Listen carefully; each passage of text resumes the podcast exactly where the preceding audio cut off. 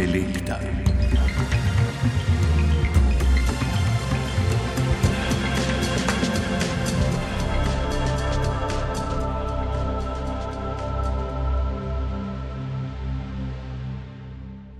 V intelekti se loti prebolevnikov, mi je namignila urednica. Prav zares, vsi veliko poročamo o necepljenih in cepljenih, pa o tistih, ki potrebujejo zdravljenje v bolnišnici ali na intenzivnem oddelku. Kaj pa COVID prebolevniki?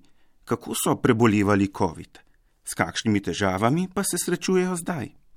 Koliko časa so zaščiteni pred ponovno okužbo? Kaj povedo meritve proti teles?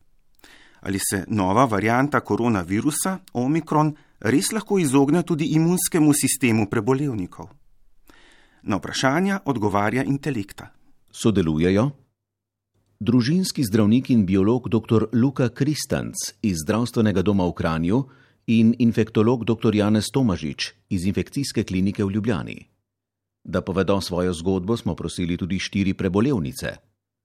V pogovor so privolile gospe Maca Maček iz Ljubljane, Marjeta Rebernak in Ivana Simonič iz Maribora. Z nami bo tudi novinarka, urednica in publicistka Darja Kores Korenčan iz Ljubljane. K poslušanju vas vabim isto konc. V Sloveniji je COVID prebolelo že več kot 374 tisoč prebivalk in prebivalcev. Darja Kures Korenčan, ker sva kolega, ti prihajaš z televizije, jaz z radia, predlagam, da se tikava. Seveda, seveda, absolutno isto. Kako rečeš, kakšno obdobje je za tabo? Ja, gotovo je to težka preizkušnja bila, težko obdobje, sigurno. E, zelo, zelo težko za me in tudi za moje svojce, takrat, ko sem bila umetnikom. In uh, to je tako obdobje bilo, da prelomno, da tako rečem, da si ga bom gotovo za vse življenje zapomnila, ker nikoli nisem bila jaz prej bolna, kaj dosti, razen v otroštvu, to tudi v knjigi malce opisujem, prvih deset let. Potem pa skoraj štiri desetletja, sem namreč zdaj prevedel pokojitvijo, nisem bila nikoli v bolniški, naj to že nekaj pove o tem. In uh, zadnja leta sploh ne so bile kakšne malenkosti, ja. tole pa udarilo ta COVID kot strela z jasnega. In, marca. Ja, marca letos, ne, ker sem namreč delala v doma, veliko sem se gibala na svežem zraku, zdravo prihranjevala, ampak kljub temu je to me doletelo. In polagam vsakomu na srce, da takoj, ko začuti slabo počutje, ne čaka in ne poskuša sam s kakšnimi aspirini ali karkoli, ampak takoj obvesti svojega zdravnika in da se potem čim prej začne morebitno zdravljenje, če je potrebno. Darja Kores Korenčan je dolgoletna urednica, novinarka in avtorica v kulturnem uredništvu televizije Slovenija. Za COVID-om je zbolela konec letošnjega marca. Okužba z novim koronavirusom je pri njej potekala v najtežji obliki. Bila je hospitalizirana, 16 dni je bila v umetni komi in dihala s pomočjo ventilatorja. Zaradi zapletov pri zdravljenju so ji morali urgentno odrezati vse prste na desni roki do prvega členka.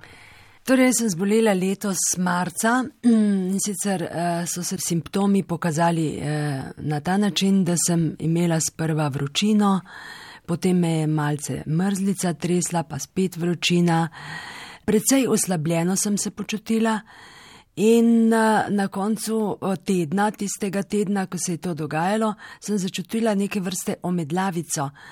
Tako da sem komaj vstala iz postelje in sem si rekla, no, tole pa ne bo uh, nekaj enostavnega, bolje, da jaz takoj obvestim eh, svojo zdravnico.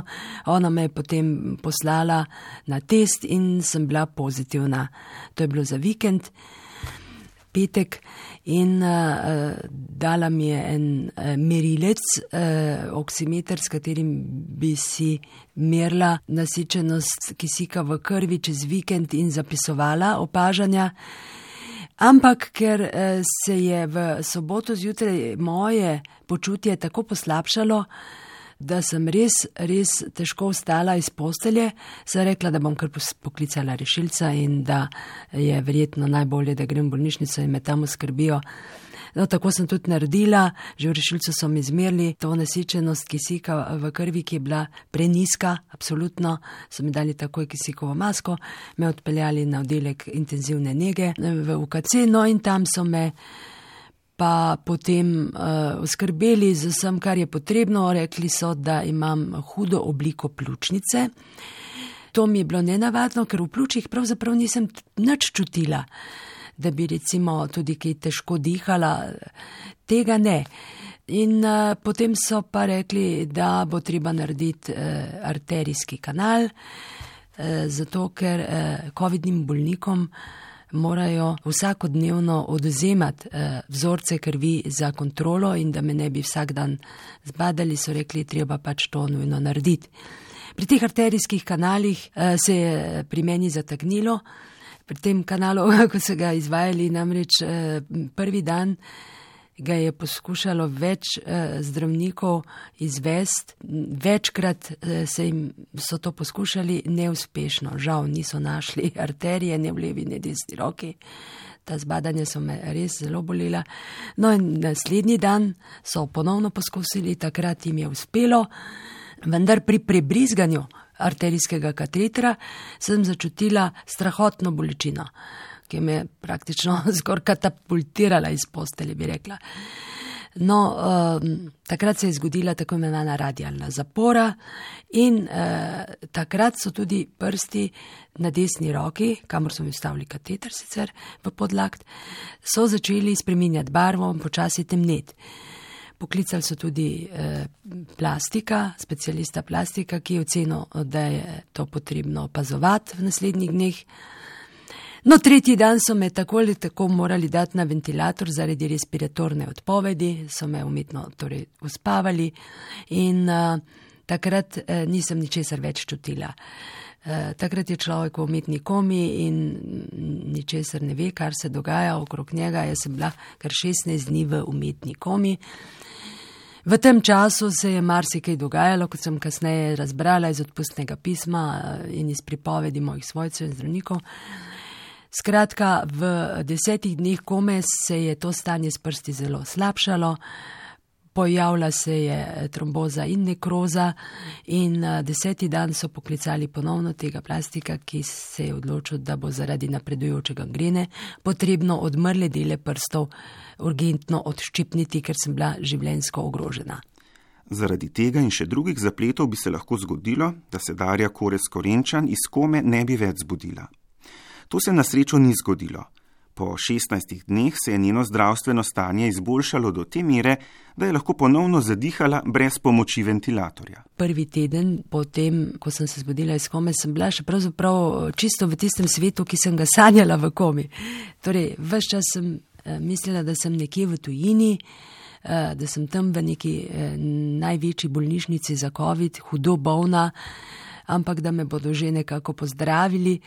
To je bil nek skupni imenovalec teh mojih sanj, ki so se mi dogajale kot neke vrste epizode v, v teh 16 dneh, ko so poklicali moža na obisk in ga opremili zaščitnimi oblačili. Presodili so namreč, da bo dobro, da me eh, najoži obišče in da bo to tudi eh, pripomoglo k temu, da bom prej prišla k sebi. Prašal me je, če ga prepoznam, seveda sem ga prepoznala tudi zdravnik, ki eh, je bil nad mano, je rekel: Poskušajte me oprijeti z roko ali pa kaj reči. Jaz sem odpirala usta, ampak glasu ni prišlo iz mene. Poskušala sem ga tudi oprijeti, vendar nisem imela te moči z levo roko. Skratka, Tako je eh, to v prvem tednu po eh, tem, ko se prebudiš, da si nekako očitno eh, še malce zmeden, tako so tudi zdravniki rekli, ampak da je to normalno za te težke bolnike in da se potem možgani resetirajo. Hvala Bogu, so vse, zdaj nimam nobenih težav več s kognitivnimi sposobnostmi in spominom, hvala Bogu. Veliko COVID prebolevnikov opisuje, da ima težave s spanjem, spominom opisujejo kot nekakšno možgansko meglo. Kako pa je bilo pri tebi? Pri meni eh, se to ni dogajalo eh, na srečo, tako da eh, tega nič ne čutim, nimam nobenih glavobolov. Imela sem pa res nekaj časa vrtoglavico, to tudi v knjigi opisujem, za tiste, ki bo bolj podrobno zanimalo. Res kar naenkrat se je pojavila vrtoglavica, ne vem, to je bilo cirka en mesec nazaj, no. Ja, in seveda me je postalo zelo strah, kaj pa je zdaj to. Sem, ko sem stala iz posle, sem je kar začel vrteti v glavi se reka, tole pa ni dobro in e, grem takoj k moji zdravnici, mi je napisala eh, napotnico pod nujno, sem šla do e, nevrologa takoj, so mi naredili vse meritve in so rekli, gledajte, to je en pesek v srednjem šesu, ki se včasih mal premakne in e, take in take vaje boste delali, so mi dali ene vaje. Skratka, se je potem to izboljšalo in eh, zdaj nimam nobenih težav, nobene vrtoglavice, nobenih glavobolov, spim v redu. Eh, tudi, eh, kot sem prej rekla, s pominom in z razmišljanjem, hvala Bogu, ni, ni problemov z televizije poznamo. Glas ne, e, ja. morda tudi. E, ja, e, glas, ja, to moramo tudi povedati, se mi je kar precej poslabšal. To pa zaradi tega, ker so malce poškodovane glasilke zaradi intubiranja. No, moja zdravnica me je potem eh, poslala k specialistki na otorinolaringološki kliniki ta je naredila ene meritve, rekla srečo imate, sapnikom ni nič narobe, en del glasilke pa je malce poškodovan in vas bom napotila k logopedini, da boste delali vaje.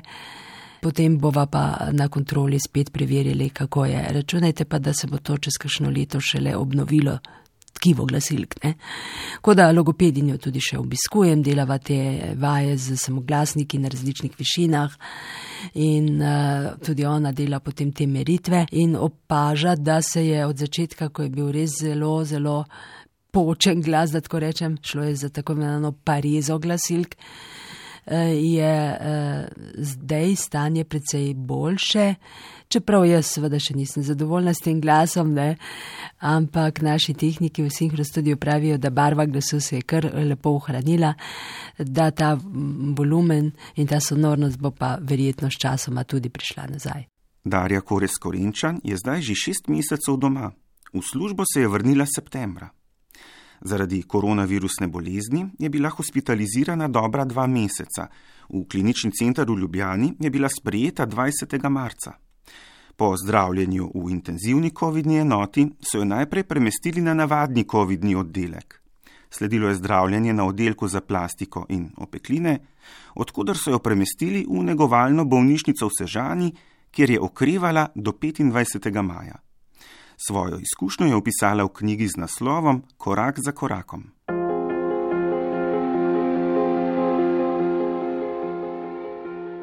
Po podatkih sledilnika smo v Sloveniji od začetka epidemije marca 2020 zabeležili 420 tisoč primerov okužbe z novim koronavirusom. Velika večina obolelih je koronavirusna bolezen prebolela asimptomatsko ali le z blažjimi znaki in simptomi, ki niso zahtevali hospitalizacije. Od začetka epidemije je bilo v bolnišnice sprejetih 24 tisoč bolnic in bolnikov s koronavirusno boleznijo, 3800 jih je potrebovalo zdravljenje na intenzivnem oddelku. COVID je bolezen s številnimi obrazi, pandemija pa je zarezala na vsa področja našega življenja. Zaradi težav po preboleli koronavirusni bolezni se ljudje najprej obrnemo na svojega izbranega zdravnika ali zdravnico. Govoril sem z družinskim zdravnikom, dr. Luko Kristancem iz Kranja, ki v tamkajšnjem zdravstvenem domu vodi COVID ambulanto. COVID prebolevniki niso enovita skupina. Kakšne so vaše izkušnje iz ambulante, dr. Kristanc, kako ljudje prebolevajo COVID? Potek je zelo, lahko zelo blag, lahko pa se seveda zelo hitro zaplete. Ne.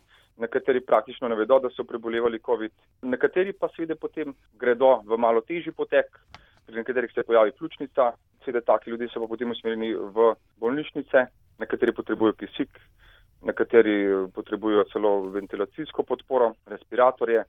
Nekje okrog 20% ljudi zboli s težjim potekom, od teh jih potem seveda določen delež pristane tudi v intenzivi, mrsikdo pa lažje preboli. Ne? Kako dolgo pa lahko ustrajajo zdravstvene težave?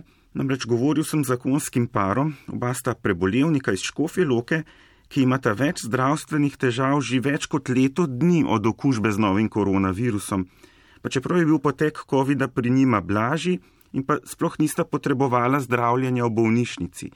Kako lahko dolgo traja to prebolevanje? Prebolevanje lahko eh, traja zelo dolgo, ne? lahko traja celo pri ljudeh, ki so imeli blago osnovno simptomatiko, začetno uh, imajo lahko težave tudi uh, tri mesece, šest mesecev. Obstajajo študije, ki so pokazale, da ima po šestih mesecih približno 75% ljudi neke posledice, takšne ali pa drugačne, bodi si telesnem smislu, bodi si duševnem smislu, tudi po blažjem prebolevanju COVID-a, predvsem pa po zmernejšem. Ne. Uh, nekateri imajo glavobole, nespečnost je zelo pogosta, anksioznost, opisujejo motne spomina, pozornosti, v obstajen lačen izraz za te zadeve, možganska megla, za katerega sicer za ta izraz sicer ne vemo točno, kam bi ga uh, umestili, kako bi ga popredalčkali, ampak za, pravzaprav v ta okvir sodijo motne pozornosti, spomina, malo slabša delovna uh, uspešnost, izvršilne funkcije so nekoliko slabše v mesecih po prebolevanju COVID, tako da ljudje imajo najrazličnejše težave. Je pa za opaziti pri mlajših bolnikih, tudi pri tistih, ki so bili prej zelo vitalni, da imajo težave z bolečinami v mišicah, da imajo krajšo sapo, še dva do tri mesece po prebolevanju COVID-a, tako da zelo različno je vse skupaj to. Ne? Eh, je pa težko reči, kaj je dejansko posledica COVID-a, kaj je pa dejansko lahko, mislim, česa pa, če, eh, kaj pa lahko pri, pripišemo še drugim uh, vzrokom. Marci kdo govori o neki pandemski utrujenosti, izčrpanosti, uh, Eh, ljudje so izgubili dohodke, so izgubili službe, eh, se manj gibljajo, umaknili so se za računalnike, interakcij med ljudmi je manj, ker je seveda zelo neugodno, ker neka taka napetnost vlada v družbi in seveda vse to vpliva tudi na neko razpoloženje ljudi. Ljudje so nekateri depresivni, tisti, ki so bili labilni že prej, so zdaj še v nekoliko slabši koži, anksioznosti je še dalje več, to pa se vodi v globale nespešnost in tako naprej. Tako da vse težko pripišemo COVID-u, se pa kaže, da ta bolezen lahko pusti določene posledice. Ali se je kdo od vaših pacijentov s COVID-om že okužil drugič, dvakrat ali pa celo večkrat? Vprašanje je seveda, kako dolgo traja ta imunost po preboleli okužbi. Imunost, glede na eh, študije, pa glede na moje izkušnje in izkušnje kolegov, eh, verjetno ne traja dlje kot 3 do 6 mesecev prebolevanja okužbe. Tudi sam imam sem imel kar nekaj pacijentov, ki so preboleli bolezen že dvakrat v recimo 3 do 6 mesečnem razmaku. Nekaj celo takih, ki so dvakrat imeli kar precej uh, intenziven potek, tako da zagotovo uh, koronavirusna okužba ne pušča dolgotrajne imunosti. Tudi cepljenje verjetno pokrije človeka, ne, njegov imunski sistem je približno dobro opremljen za spopadanje z novo okužbo nekje 3 do 6 mesecev, ne dlje, tako po cepljenju kot po, pre, po prebolevanju. Tako da verjetno um, se bo treba cepiti tudi v prihodnje, ne. Podobno kot pri gripi pred kritičnim delom sezone, predvsem bo to priporočeno pri ljudeh, ki uh, so ogroženi za težji potek. Zagotovo imunost ni dolgotrajna. Ne. Ali vi vaše pacijente, ki so COVID preboleli, pošljete v laboratorij na preiskave krvi, morda preverite, koliko protiteles imajo?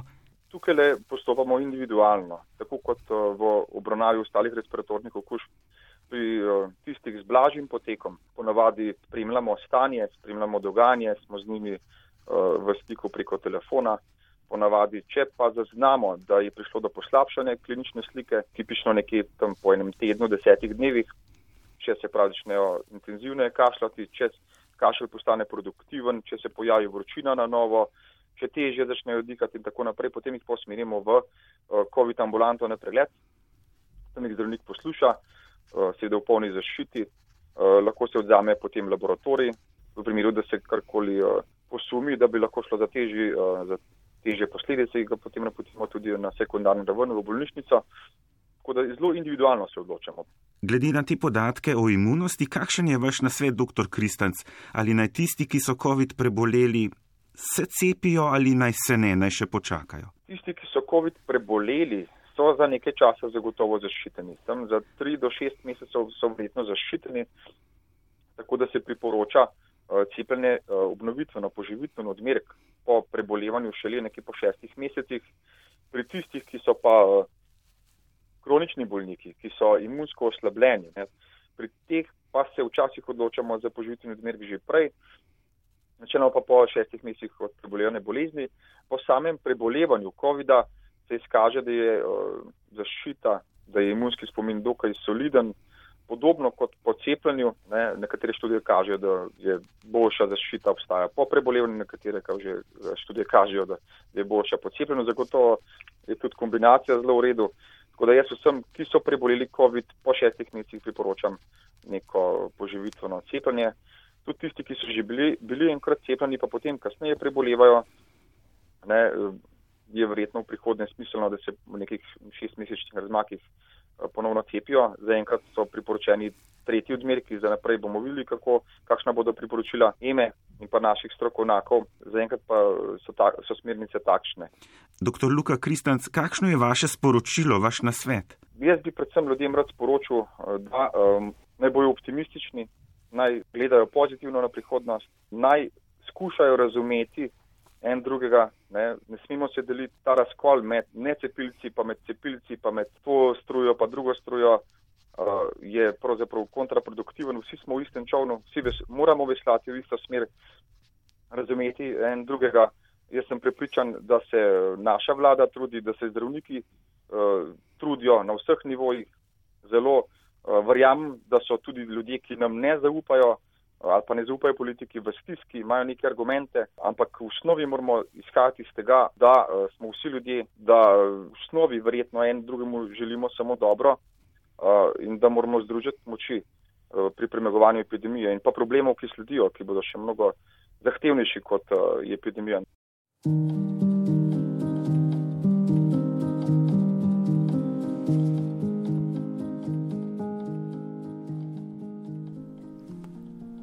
V središču intelekte so COVID prebolevniki. V Sloveniji jih je že več kot 374 tisoč. Med njimi so tudi gospe Maca Maček, Marjeta Rebrnak in Ivana Simonič. Gospo Maco Maček sem poklical pred dobrim tednom dni v domu pokojencev Center enota Tabor v Ljubljani. Halo. Ja, dober dan, tukaj isto konc iz radia. Kako ste kaj, dober dan, seveda? Ja, zelo dober, kaj pa vi? Tudi. Mi smo v karanteni. Do ponedeljka bomo videli, kako bo. Veste, vse to ni nič posebenega. Kakšno je vzdušje zdaj eh, pri vas in pa v domu?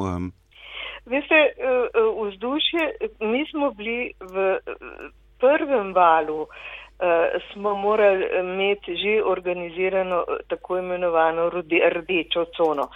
No in je bilo treba v, v sobi, kjer smo bili, in v kateri so nam ugotovili COVID prisotnost, na hitrco pobrati tiste najbolj dujne stvari, seveda pol stvari smo pozabili in se hitro preseliti v prvo nadstropje. Dobili smo seveda s posteljo, noter v posteljo, pa mir, pa tako naprej. Hvala Bogu smo bili po, po dva, da smo saj se lahko pogovarjali, a veste, tam ni bilo ne radija, ne televizije, Imeli smo, hvala Bogu, knjige, to smo pa vzeli sabo.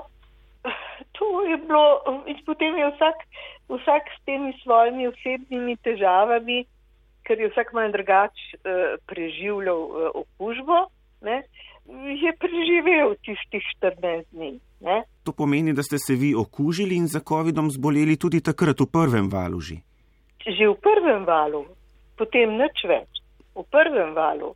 In kakšni so bili vaši znaki pa simptomi? Ne boste veseli, da jaz nisem bila nič eh, izjemno bolna pa prizadeta. Bo kvar, tako kot mnogi zdaj prepodujejo, z močno pekoče grlo, bolečine v sklepih, vročine ni bilo. Uh, ampak, veste, to je tak, uh, tak somnolenten občutek. Boljše je bilo seveda ležati, kar je bilo za mene slabo, ker seveda bi mogla se mu močneje gibati, pa se pač tam ni dal. To tudi vsi ostali prepodujejo, tudi, tudi če so kakšni dementni zboleli, pa so takole v rdeči coni, potem svojci eh, zelo, eh, zelo tarnajo, da se je njihovo osnovno eh, dementno stanje zelo poslabšalo. Ne? Absolutno smo bili popolnoma varni, smo se počutili varne. Ne?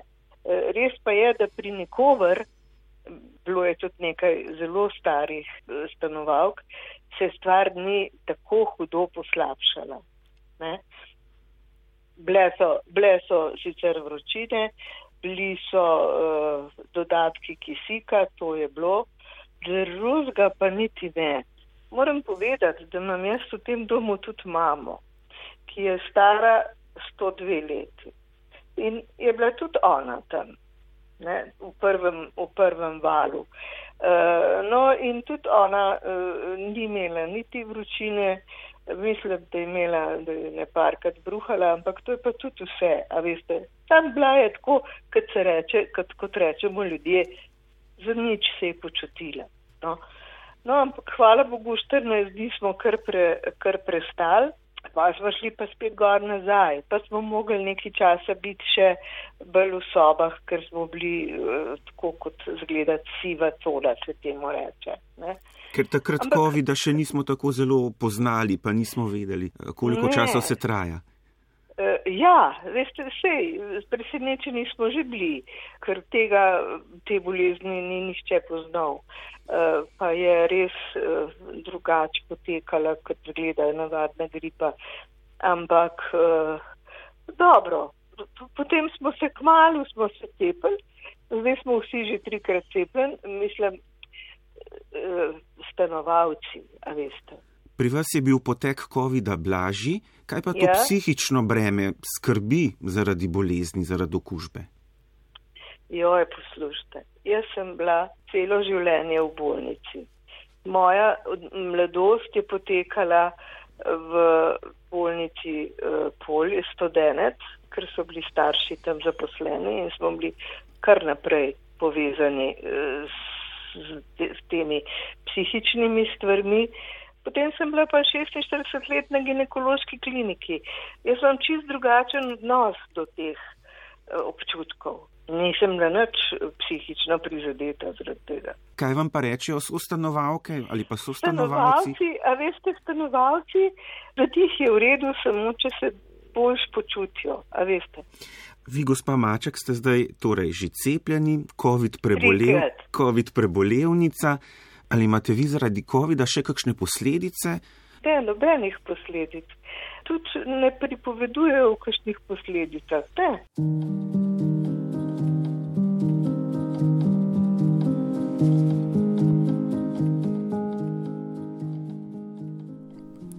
Gospe Marjeta Ribrnak in Ivana Simonič pa stanujeta v domu Danice v Ogrinec v Mariboru. Gospa Ribrnak se je kljub cepljenju z novim koronavirusom okužila pred dobrim mesecem. Sem cepljena, že predtem sem bila cepljena. Dvakrat. Trikrat. Že trikrat. Pa imate kakšne posledice ali kaj, da je kaj drugače, kot je bilo prej? Ne, isto, nič nimam posledic. Pred dobrim mesecem je za COVID-om zbolela tudi gospa Ivana Simonič. Stara sem točno 94 let, za rojsten dan sem dobila prve simptome. Malo mi je bilo slabo in sem bruhala. To je bilo, sem zbruhala kosilo, potem pa sem kar spala. Spala, spala tri dni, skoraj ni, ni eh, meso me testirali, trikrat in uh, so soboto prišli po mene in sem šla v drugo stavbo in tam sem bila kar 14 dni.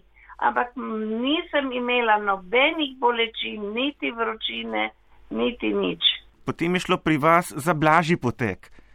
A seveda zelo blažji, ker sem bila dvakrat cepljena.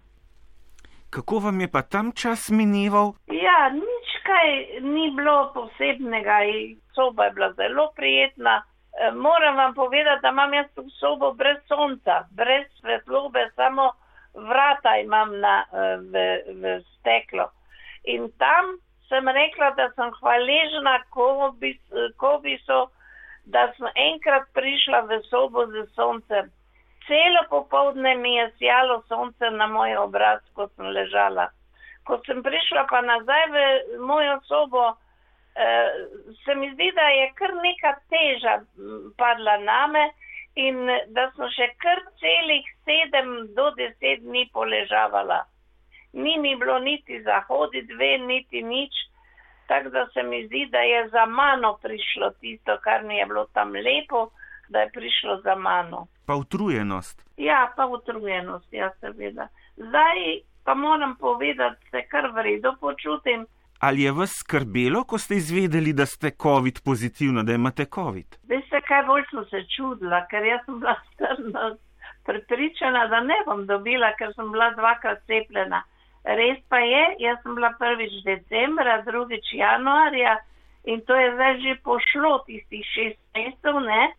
Gospa Ivana, hvala lepa vam za pogovor. Prosim. Pa ostanite zdravi. Ja, upam, upam. Se se trudimo, vsi se trudimo. Vsi hodimo z maskami, vsi hodimo, koliko se da, eh, previdno, ampak kot vidite, ta COVID eh, ne pozna meja. On se vrine tam, kjer ga ni potrebno, pa ki ga najmanj pričakuješ. V Sloveniji je za koronavirusno boleznijo zbolelo že 30 tisoč prebivalcev starejših od 65 let, 18 tisoč starejših od 75 in 11 tisoč starejših od 85 let.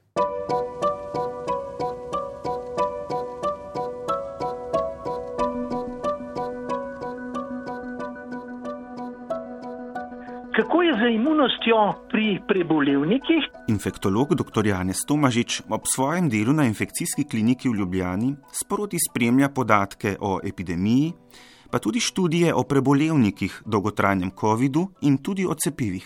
Tukaj moram pomembno podariti, da proti telesa, tudi če gledamo neutralizacijska proti telesa, da nam to v enem specialnem laboratoriju eh, določijo neutralizacijska proti telesa, ki ne stanejo po cepljenju ali po naravni poti, niso zadosten napovedovali zaščite pred koronavirusom.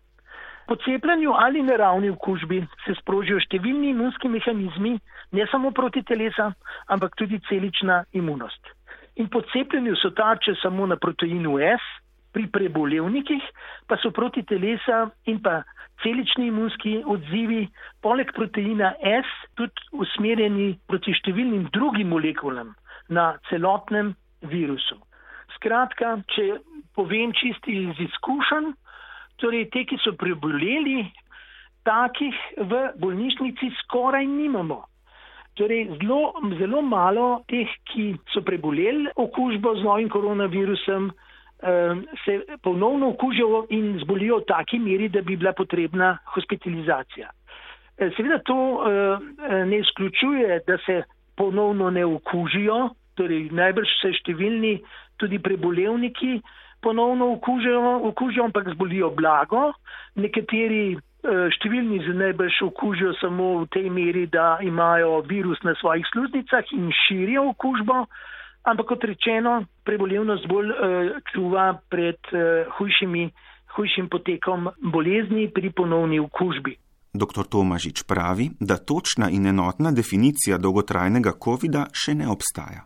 Skratka, ena od ahilovih pet COVID-19 je post-COVID-ni sindrom, tako imenovani dolgi COVID, ki se pojavlja nekje pri več kot tretjini vseh okuženih, vsaj z kakšnim simptomom. In tukaj so znane težave, v, predvsem utrujenost, stiskanje v prstnem košu, zasoplost, glavobol, bolečine v mišicah, omedlevica, palpitacija, anksioznost, megla v glavi, izguba spomina, spremenjen voh, mravlinčenje, spadanje las in tako naprej. In te težave so zelo lahko različne intenzitete, pri nekaterih so tudi tako izrazite, da enostavno ne morejo funkcionirati in nekateri ostanejo v bolniškem staležu tudi več mesecev. Zakaj do tega pride, še ne vemo. Mislimo, da predvsem virus povzroči dezregulacijo imunskega sistema in tudi avtonomnega živčevja. In seveda ta dolgi COVID ostaja izziv za medicino in znanost in je zaenkrat precej slabo opredeljen, predvsem to mislim za dolgi COVID v ožjem pomenu besede, ko pri bolniku ne najdemo nobene prizadetosti organov če naredimo laboratorij CRP, sedimentacijo, krvno sliko, eh, funkcijo organov, je vse normalno, slikamo magnetne resonance, nič ne najdemo. In eh, takrat v bistvu ta diagnoza temelji samo na bolnikovi zgodbi, torej na anamnezi. Tako da nekih opredelitev, jasno, da bi rekel, aha, to je pa ta dolgi COVID v ožjem pomenu besede, žal še nimamo. Tudi nimamo nekih enovitih intervencij, ne bi imeli čudežno zdravilo. Moramo vedno izključiti organsko prizadetost, naprimer miokarditis, to je imetje srčne mišice ali pa kakšne embolije, ključne in tako naprej. Drugač pa imamo interdisciplinarni pristop, eh, skratka, eh, angažiramo pulmologa, kardiologa, neurologa, eh, psihologa, kliničnega psihologa, včasih redko tudi psihiatra. In predvsem pa moramo takega bolnika poslušati in ga natančno pogledati, izključiti nevarne zadeve in mu dati občutek varnosti, varnosti in ko izključimo vse, povemo, da gre za prihodne težave. Nove skrbi pa vzbuja omikron različica koronavirusa. Kaj nas najbolj skrbi pri različicah, ki skrbijo? Skrbijo nas tri eh, stvari in sicer kako je s kužnostjo, kako je z virulenco, patogenostjo in kako je z eh, imunskim pobegom, immune escape. Torej, seveda, prva stvar za začetek tragedije je, da ima eh, taka nova različica pandemične eh, razsežnosti. Sama eh, virulenca, eh, torej eh, patogenost, zlo, zločestnost različice nima nekih darvinističnih prednosti. Take različice ne predstavljajo selekcijske prednosti in se ponovadi ne razširijo.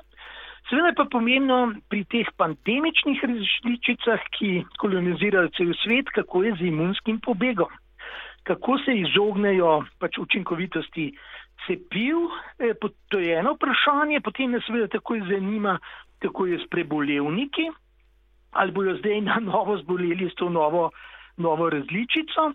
Seveda bo cepljenje še naprej temeljna preventivna strategija.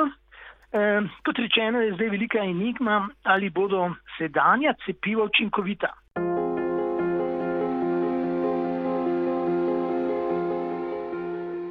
V intelekti smo odgovorili na nekaj pogostih vprašanj o prebolevnikih in dolgotrajni koronavirusni bolezni.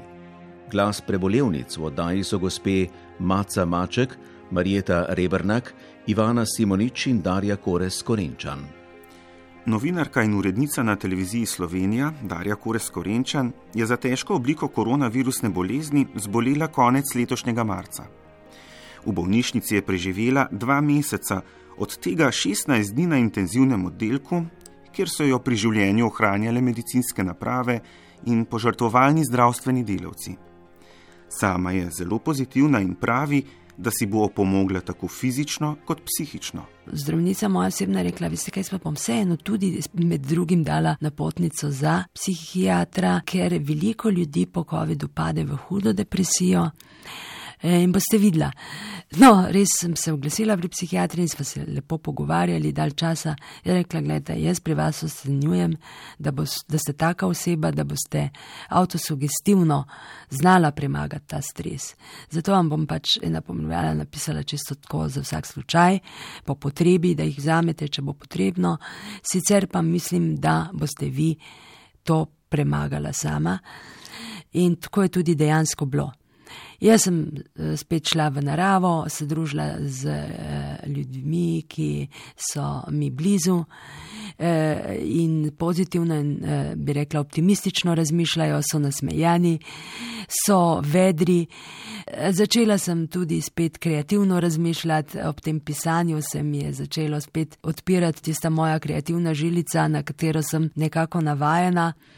In počela sem vse tisto, kar me pač v življenju veseli. Ne. Sem uh, bila vesela, da sem spet lahko objela svojo vnučka, to me je tudi napajalo z eno posebno energijo, pa seveda še cel kup drugih stvari. Ne. Septembra, ko sem šla lahko spet v službo, sem spet dobila en nov zagon, uh, sodelavci so mi ogromno sporočil pošiljali, ko sem bila na rehabilitaciji in sem jim hvaležna. Ne smemo pa obupati. To je vsem uh, tudi bravcem uh, v tej knjigi polagam na srce, ne obupati, ker so poti, ki nam kažejo luč na koncu tunela. Ne. Tudi če nimajo nikogar ali pa če so zelo, zelo uh, bolni, vidno, jaz pravim, še iz tako zelo hude situacije se lahko nekaj naučimo. In jaz sem se ob tej hudi preizkušnji veliko naučila in moram reči, da me je na nek način obogatila, da, in, da sem iz nje išla eh, oplemenitena, da tako rečem, z koristnimi napotki, ki jih z veseljem delim naprej. To pomeni, da imaš prav nekaj trdoživega v sebi. Ja, tudi komi ne, eh, je bil skupni imevalec teh mojih, bi rekla, uh, sanj, da moram za vsako ceno preživeti da moram iti naprej in da bom preživela, da mi bodo dobri ljudje pomagali, da ne smemo umreti, da je to še prezgodaj. Tako nekako sem videla, vedno neko luč na koncu tunela. In tudi zdaj, eh, zdaj pa sploh, ne, zdaj sem že prišla k sebi, sem zadovoljna. In eh, zato si rečem, glede na to, da je toliko svojcev tudi, ki imajo svoje ljudi domače, eh, najožje na teh eh, intenzivnih oddelkih, kjer se borijo za življenje, tem je tudi zelo hudo. To morate vedeti, oni zelo trpijo in eh, res jim nadaljavo pošiljam lepo energijo, naj zaupajo zdravnikom, da jim bodo pomagali in ne bodite preveč zaskrbljeni, ker vse bo še dobro.